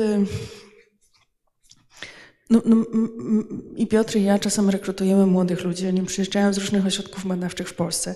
Często też e, ustalmy, że Warszawa jest w Polsce, żeby nie było, że to tylko poza Warszawą tak się e, dzieje. I e, no niekoniecznie to, co jest standardem naukowym od, jak powiedzieliśmy dzisiaj kilkukrotnie, 20 czy 30 lat, e, zostało tym młodym ludziom przekazane. To znaczy, cały czas przychodzą młodzi ludzie, którzy mówią o wpływie, chociaż policzyli tylko korelacje i oni nie mają z tym żadnego problemu. To znaczy, nigdzie na etapie kształcenia w ciągu pięciu lat nikt im nie zapalił takiej lampki, że korelacja to nie wpływ. I że to, że pani coś postawiła po lewej stronie, a coś innego po prawej, to jest tylko pani decyzja, nie opis rzeczywistości. I oni przychodzą i mówią, e, obciążony estymator? W ogóle, ale, ale dlaczego obciążony? Przecież ja wziąłem nieobciążony. Nie? Znaczy, to jest kwestia podstawowego kształcenia i też się śmiejesz, ale tyle razy, co rozmawiamy z dziennikarzami, wytłumaczenie dziennikarzom, że korelacja to nie przyczynowość i że jak jakiś minister powiedział, że coś na coś wpływa, to jeszcze nie znaczy, że faktycznie wpływa.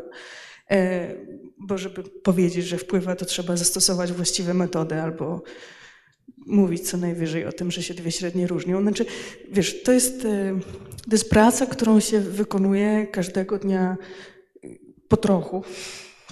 I być może y, w któregoś momencie, w momencie się skumuluje. Ja pamiętam, jak zaczęliśmy Grape, to wykonaliśmy taką, takie ćwiczenie, trwało to dwa lata, że jak Główny Urząd Statystyczny publikował statystykę zwaną stopą bezrobocia, to my tę statystykę odsezonowywaliśmy. Bo widzicie Państwo, bezrobocie ma charakter sezonowy. Tak ma to do siebie, że się łatwiej pracy szuka w Polsce w miesiącach letnich, a trudniej w miesiącach zimowych. I ta sezonowość bezrobocia oznacza, że jak ono z miesiąca na miesiąc się zmienia, to niekoniecznie się cokolwiek zmieniło.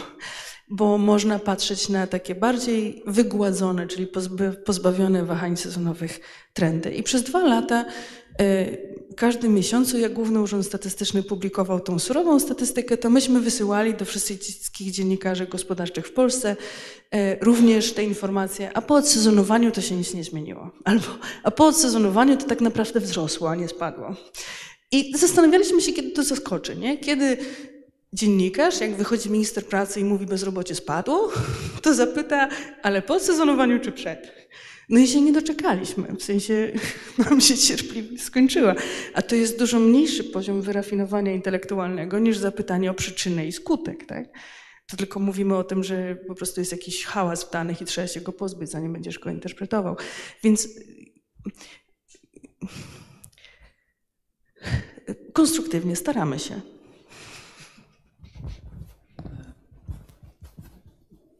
Ja mogę dość naturalnie kontynuować tą rolę pesymisty w tym panelu. E, też z tego tytułu kilka tygodni temu uczestniczyłem w, takim, w takich warsztatach, no takiej małej konferencji, półtora dnia, e, która oczywiście była online, e, bo miała się odbyć w Rosji, co się trochę nie dało, która dotyczyła krajów naszego regionu. To było takie powiedzmy posttransformacyjne, badania krajów posttransformacyjnych. I to było smutne, znaczy to było ciekawe doświadczenie, ale było też dla mnie smutne, jak myślę o perspektywach mm, polskiej ekonomii i jej miejscu na mapie nawet Europy, bo coraz bardziej widoczne było, że my odstajemy już nie tylko od Niemiec, Wielkiej Brytanii czy Holandii, ale że odstajemy in minus od Węgier, Łotwy, Czech, Litwy, Słowacji. We wszystkich tych krajach ktoś zorientował się kilka lat temu, że należy zainwestować środki w stworzenie właśnie infrastruktury do takich dużych badań empirycznych, bo to będzie, po pierwsze, będzie można wymusić, żeby środowisko naukowe zajmowało się jakimiś tematami, które są społecznie ciekawe, czy pytaniami, na które odpowiedzi są społecznie potrzebne, bo to jest powiedzmy taki niepisany kontrakt, że ta infrastruktura dotyczy głównie właśnie rzeczy związanych e, z polityką publiczną, e, z podatkami, transferami, polityką rodzinną i tak. Z drugiej strony e, to jednak też na poziomie czysto naukowym daje tym ludziom możliwość zrobienia czegoś ciekawego i nawet napisania jakiegoś artykułu o Węgrzech albo o albo o Łotwie i opublikowaniu go gdzieś bardzo, bardzo wysoko, tak żeby to promieniowało i żeby były pewne y, i żeby też można było przyciągać dobrych ludzi do współpracy. Żeby można było na przykład zaprosić kogoś z zachodu, kto jest bardzo dobry i powiedzieć, mamy takie, lub bardzo dobre, mamy takie, mamy tutaj taką, mamy tutaj taką bazę danych, takie ambicje, były takie polityki wprowadzane, zróbmy coś razem. I taka bardzo dużo jakby e, ja się, jak, jak wiemy, nawet w Polsce prezydent się cały czas uczy, prawda? I w nauce to też tak jest. Więc yy, jak ja widzę na przykład, co się dzieje na Węgrzech, gdzie taką infrastrukturę stworzono notabene w yy, węgierskim panie i jak to skapuje na te kolejne pokolenia, bo teraz ludzie, którzy są na dobrych uniwersytetach na zachodzie, pracują z nimi nad tymi artykułami, bo bo są korzyści dla obu stron, e, że oni są w stanie przyciągnąć nawet do pracy kogoś z zachodu, żeby ktoś przejechał na ten uniwersytet albo, albo na Łotwę, e, no to to jednak ułatwia kolejnym pokoleniom też przyswajanie właśnie tych współczesnych metod. I jak myślę, że ci, ci Węgrzy na przykład byli tacy bardzo sprytni, to prawda, oni to jeszcze zrobili tuż przed Orbanem, ale oni na przykład stworzyli właśnie infrastrukturę, która jakby spowodowała, że niezależnie od różnych mm, turbulencji lokalnych, czy ktoś potrzebuje tej nauki, czy nie, jest jednak pewien mechanizm, który pozwala im nadal pracować, przyciągać dobrych ludzi. A, a, i, i, i, to mnie bardzo niepokoi, że my właśnie zostajemy w tle już naprawdę nie za Niemcami czy Szwecją, tylko za Łotwą, Węgrami albo, albo Litwą pod tym względem. To, to, to są wszystko małe kraje, tak. A wiecie, kto to pierwszy zrobił? Alan Kruger i Joshua Angris pojechali do Izraela i zaczęli to robić w Izraelu. Dokładnie to, o czym Piotr mówi teraz. Oni zaczęli to robić w Izraelu na początku lat 90. i 2000. Kawiarnia ma taką zasadę, że jednak daje się czas na jakieś pytania, a zostało nam minut 15.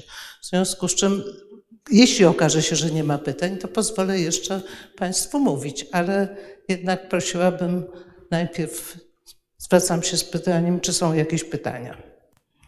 Czy są jakieś wątpliwości? Czy coś ciekawego się pojawiło, co chcieliby Państwo, żeby zostało wyjaśnione? Jeśli nie, to oddam Wam głos. Ponieważ mamy, mówi się, że mamy coraz mniej ludzi do pracy, rąk do pracy, to czy może nie, zaczę, nie powinno się już zrobić takich badań, żeby skrócić okres nauki? Kiedyś się krócej uczyliśmy, a teraz mamy więcej możliwości korzystania y, z, właśnie no, dzięki internetowi z wiedzy też takiej ad hoc pod, y, podręcznej, więc no, skoro się kiedyś krócej uczyliśmy, to czemu nie wrócić do tego na przykład? Bo kto ma pracować, jak nie mamy, pracow- jak nie mamy rąk do pracy? Może jeszcze ktoś, to zbierzemy i pozwolimy odpowiedzieć. Rozumiem, że wyczerpująco żeście mówili, więc oddaję głos, pamiętając o tym, że mamy do wpół do czasu. Pytanie, które Pani zadała jest świetne, bo e, pokazuje moc i rolę naturalnych eksperymentów. Bo gdybyśmy chcieli zrobić taki eksperyment, to on by był nieetyczny. Proszę sobie wyobrazić, że przychodzi rząd i mówi, że ci, którzy mają trzy sylaby w nazwisku, chodzą do szkoły 12 lat, ale ci, którzy mają dwie albo mniej, chodzą tylko 11, trzy albo więcej, dwie albo mniej. E, bo to będzie losowe, tak? I zobaczymy, co się wydarzy. No nie chcielibyśmy takiego eksperymentu zrobić, bo mogłoby się okazać, że tym ludziom, którzy chodzą krócej do szkoły, żeśmy zaszkodzili. Więc po to szukamy naturalnych eksperymentów, czyli sytuacji, w których z przyczyn e, losowych, niezamierzonych, jakaś grupa ludzi pod innymi względami bardzo porównywalna ze wszystkimi pozostałymi. Chodziła do szkoły krócej, możemy zobaczyć, jakie są ich wyniki później w dorosłości. Te wyniki można mierzyć na wielu, na wielu obszarach, na przykład jak wygląda ich ścieżka rozwoju zawodowego, jak wyglądają ich płace, ryzyko bezrobocia, stan zdrowia, e, w którym wieku zakładają rodzinę, jak często lądują w, na, e, w sytuacji, w której mają niespłacone pożyczki przekraczające ich aktywa. Mnóstwo wyników, które są istotne z perspektywy polityki publicznej, można wtedy w ten sposób e, analizować, mierzyć i weryfikować. I jeden z głównych artykułów e, Alana Krogera i Joshua Grista dotyczył właśnie tego w kontekście Stanów Zjednoczonych. Natomiast czy to jest interesujący kierunek z perspektywy polityki? To ponieważ tego dzisiaj w Polsce nie przebadaliśmy, a ostatni raz zrobiliśmy taką rewolucję z, z y, zmianą długości kształcenia dla roczników urodzonych w 53 roku, jak szkoła z 11 stała się 12-letnia, a w drugą stronę nie robiliśmy, czyli nie skracaliśmy e, edukacji, to realnie na Pani pytanie odpowiedzieć mogłabym tylko, no, biorąc pod uwagę wyniki z różnych krajów, Polska jest bardziej podobna do tego albo śmego i powinniśmy zrobić to albo tamto, ale realnie takich badań e, na dzisiaj e, zrobić byłoby bardzo trudno. A, a, a skróceń, e, znaczy, bo, bo przyspieszyliśmy edukację. Jest ten e, przykład tych 6-7-latków, które wcześniej poszli do szkoły. Czy to nie będzie jakby tutaj e, obiecujący materiał?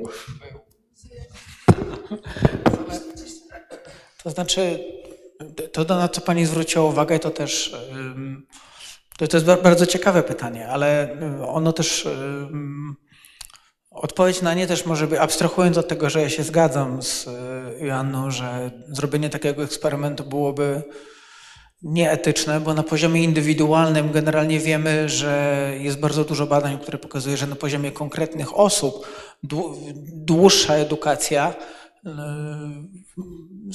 przekłada się na wyższe zarobki czy na lepszy poziom zdrowia w efekcie i na wyższy poziom życia. Więc z punktu widzenia jednostek to mogłoby być E, to raczej nie byłoby korzystne. Oczywiście można rozważyć inną optykę, która, która jest optyką planisty społecznego, który mówi: OK, może każdy chciałby się uczyć dłużej, ale ja naprawdę potrzebuję robotników. W związku z tym utrudniam, e, bo skracam tę edukację albo utrudniam, robię limit, ile osób może pójść na studia, bo potrzebuję robotników i spawaczy teraz. No, ale trochę to jest ekonomia, na tym też trochę polega, że ma zwracać uwagę na te, na te trade-offy tak zwane. I y, generalnie rzecz biorąc, z punktu widzenia tego, co wiemy, no i tak podchodząc trochę też do tego kantowsko, żeby nie traktować ludzi instrumentalnie, jak, nie, jak e, to raczej, raczej tego taki eksperyment raczej by się nie obronił. Natomiast e, rzeczywiście, żeby tak naprawdę wiedzieć, e, czy nawet taki nie do końca etyczny eksperyment, jakie on ma efekty, to rzeczywiście powinniśmy albo zrobić to w losowo wybranych powiatach, a w innych nie, albo obniżyć tę edukację tym, co się urodzili z nieparzyste, a tym, co się urodzili z nieparzyste, nie obniżyć tego okresu. I wtedy może byśmy się dowiedzieli, jakbyśmy to obniżyli, tę, jakbyśmy obniżyli e, liczbę lat edukacji w Polsce wszystkim, to nic byśmy się nie dowiedzieli, dlatego że fundamentalnie zmieniłaby się cała równowaga na rynku i, i, i ci ludzie też zaczęliby się zachowywać inaczej. Niektórzy na przykład od razu by stąd wyjechali i kogo stać, wysłałby swoje dzieci do szkół za granicą, żeby, byli, żeby te dzieci uczyły się dłużej. Więc ci, którzy zostaliby w skróconych szkołach, to byliby ci ubożsi, to byliby ci inni niż przed reformą. Więc zrozumienie tak naprawdę tego efektu, nic byśmy się, nic byśmy się nie dowiedzieli. Dowiedzielibyśmy się tego może, co wiemy awansem, że nawet jak się bardzo próbuje ludzi zaskoczyć, to oni generalnie reagują i to, jak oni reagują, ma kapitalny wpływ dla tego, jak, jaką rzeczywistość zaobserwujemy i też utrudniający zrozumienie, co jest efektem tego szoku, a co jest efektem właśnie reakcji ludzi i dostosowywania się. Przyszła rzecz do głowy w odpowiedzi na Pani pytanie. Proszę zwrócić uwagę, że jeśli wyjdziemy z tego punktu, o którym Pani powiedziała, czyli niewystarczający zasób siły roboczej, to niekoniecznie musimy go rozwiązywać tak radykalnie, na przykład skracając edukację. Możemy poszukać instrumentów, które ułatwiają pracę w trakcie edukacji. E, możemy próbować zachować na rynku pracy inne osoby, na przykład te, które są w starszym wieku. Możemy szukać instrumentów, które ułatwiają godzenie funkcji e, rodzinnych i zawodowych, e, co ułatwia uczestniczenie w rynku pracy rodzicom obojga płci. I to, że to spektrum polityk publicznych jest tak szerokie, to samo sobie od razu mówi, że zanim wybiorę jedną z nich, to zakładając, że pani cel jest słuszny, załóżmy dla ustalenia uwagi, że rzeczywiście chcemy zwiększyć zasób siły roboczej, to tych polityk jest na tyle dużo, że nie powinniśmy podejmować żadnej decyzji, dopóki nie zweryfikujemy y, kosztów i korzyści wynikających z poszczególnych z nich. A to, jak przed chwilą wskazałam, podając te kilka przykładów, wymaga nie jednego badania, a całego spektrum badań dla poszczególnych y, instrumentów. Rozumiem, że mamy 5 minut i że nie ma więcej pytań z sali, więc ja pozwolę sobie zadać jeszcze jedno krótkie pytanie. Rozmawialiśmy o wiarygodności e, ekonomii i w takim powszechnym odbiorze, e, takim odbiorze laika, problem z wiarygodnością ekonomii polega też trochę na tym, że tam się czyni wiele e, absurdalnych założeń o jakiejś racjonalności ludzi, o właśnie perfekcyjnej konkurencji i tak. Czy taka ekonomia, o której wy mówicie, która jest teraz głównym nurtem ekonomii, czy ona jest od tych założeń wolna?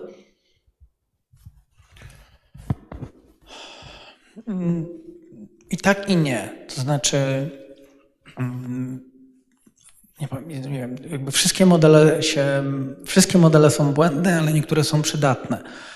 Więc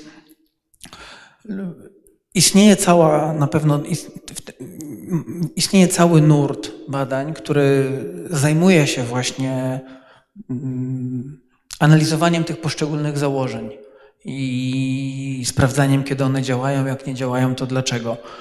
Z drugiej strony, więc to jest coś, co nawet w makroekonomii nazywa się jakby mikropodstawami i analizowaniem, kiedy te y, założenia są spełnione. I to jest ważny punkt wyjścia też do tego, żeby na poziomie teoretycznym y, budowano modele, które mają te założenia inne, żebyśmy wiedzieli, co z tego wynika. Bo sama kwestia nie jest w tym, znaczy założenia są jedną rzeczą. Drugą rzeczą jest y, to, żeby wiedzieć, jak poszczególne założenia wpływają na wnioski i które z tych założeń determinują to, co dos- dostajemy z drugiej strony modelu. Więc y, na pewno rozwój badań, y, tych, o których mówimy, ta rewolucja wiarygodności, przyczynił się do tego, że także na poziomie teoretycznym rozwija się dużo bardziej y, takie teorie czy takie modele, które te upraszczające założenia naruszają. No i to jest takie sprzężenie zwrotne. Tak. Koniec czasu. Nie, ale jest też e, jest e, taki dodatkowy aspekt, może, bo te założenia, o których ty mówisz, to one nam są po to potrzebne, żebyśmy mieli jakiś taki rygor myślenia i na końcu wiedzieli, jakie są predykcje. I dopiero te predykcje zabieramy do danych. My nie, nie prowadzimy do danych całego modelu, tylko to, jakiego rodzaju e, e, implikacje z tych modeli wynikają. Teraz ta rewolucja wiarygodności to jest coś, co przez to, że ma wbudowany imperatyw tego, że to będzie zawsze analiza przyczyna, skutek, e, no to musisz mieć strukturę, która teoretycznie też tam to odzwierciedla. Tak? I teraz, jeżeli dane ci wspierają ten rodzaj relacji przyczyna-skutek, no to dane wspierają ten rodzaj. Czyli to nie jest absurdalny zestaw założeń, tylko spójny z danymi zestaw założeń. Tak? Znaczy, to nie jest tak o, tylko w danych wyszłoby mi co innego, gdybym, e, gdyby, tam, gdyby te założenia były błędne, tak? Więc e, jakby to, to, co jest cechą jakby taką fundamentalną, to, że zawsze mamy tę analizę, która jest empirycznie na pewno przyczynowo-skutkowa, czyli na pewno coś jest przyczyną, a coś jest skutkiem, automatycznie waliduje też, jeśli dane wspierają konstrukcję, e, koncepcji teoretycznej i w tym sensie e, wydaje mi się, że, e, że to jest mniejszy problem. Ale też druga rzecz jest taka, że te, te nasze modele w mikro, one są takie no, mniej uniwersalne. Znaczy, my nie potrzebujemy, żeby coś było zawsze prawdą, tylko potrzebujemy, żeby na tym jednym kawałku, gdzie ruszamy tym lewarem, e, coś było prawdą. To Piotr mówił na początku naszej rozmowy o równowadze cząstkowej i ogólnej, nie? że jeżeli ja chcę zweryfikować, czy na płacę minimalną ktoś zwiększy podaż pracy, to wystarczy, że zaobserwuję jego reakcję bezpośrednio po podniesieniu płacy minimalnej. Tak? A to, że potem jak on i wszyscy jego koledzy podniosą podaż pracy, to coś się zmieni na rynku i równowaga zatrudnienia i płac się zmieni i oni na to też zareagują, to jest ten jakby dalszy etap i to on wymaga znacznie bogatszej struktury teoretycznej niż to, co my weryfikujemy w tym prostym pytaniu, czy jak zwiększę płacę minimalną, to podaż pracy wzrośnie i popyt na pracę spadnie. Dziękuję serdecznie. Wyczerpaliśmy limit czasu. Dziękuję bardzo. Ja bardzo dziękuję. Może pokaskamy. A przy okazji powiem i bardzo dziękuję za to pytanie, bo przypominam, że 20 grudnia spotykamy się i będziemy mówić o edukacji. To może wtedy będzie też okazja, żeby wrócić do tego pytania, czy krótsza, czy dłuższa szkoła. Chciałam tylko powiedzieć, że naprawdę nie posłaliśmy sześciolatków do szkoły. Usiłowaliśmy posłać sześciolatki do szkoły, a to jest zupełnie co innego. I w tej sytuacji trudno w ogóle mówić o jakimkolwiek eksperymencie, bo też zamiast rozmawiać o badaniach empirycznych, to rozmawialiśmy o dogmatach. Więc, a na ten temat, czy sześciolatki powinny iść do szkoły, czy nie, też jest bardzo dużo badań, tylko do nich się nie odwołujemy. Także bardzo, bardzo dziękuję i zapraszam 20. Mam nadzieję, że nic się nie zmieni, że spotkamy się tutaj i że będziemy mogli porozmawiać o edukacji. Na ekonomii nie, ale na edukacji wszyscy się znamy, więc będzie nam może łatwiej. Dziękuję bardzo.